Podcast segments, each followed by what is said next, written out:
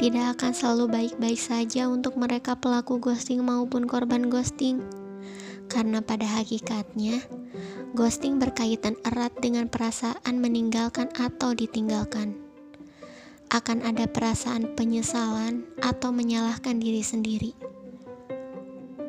Ghosting banyak terjadi pada usia remaja hingga dewasa. Pada rentang usia tersebut, individu sedang dalam tahapan psikososial menjalin intimate relationship dengan lawan jenisnya.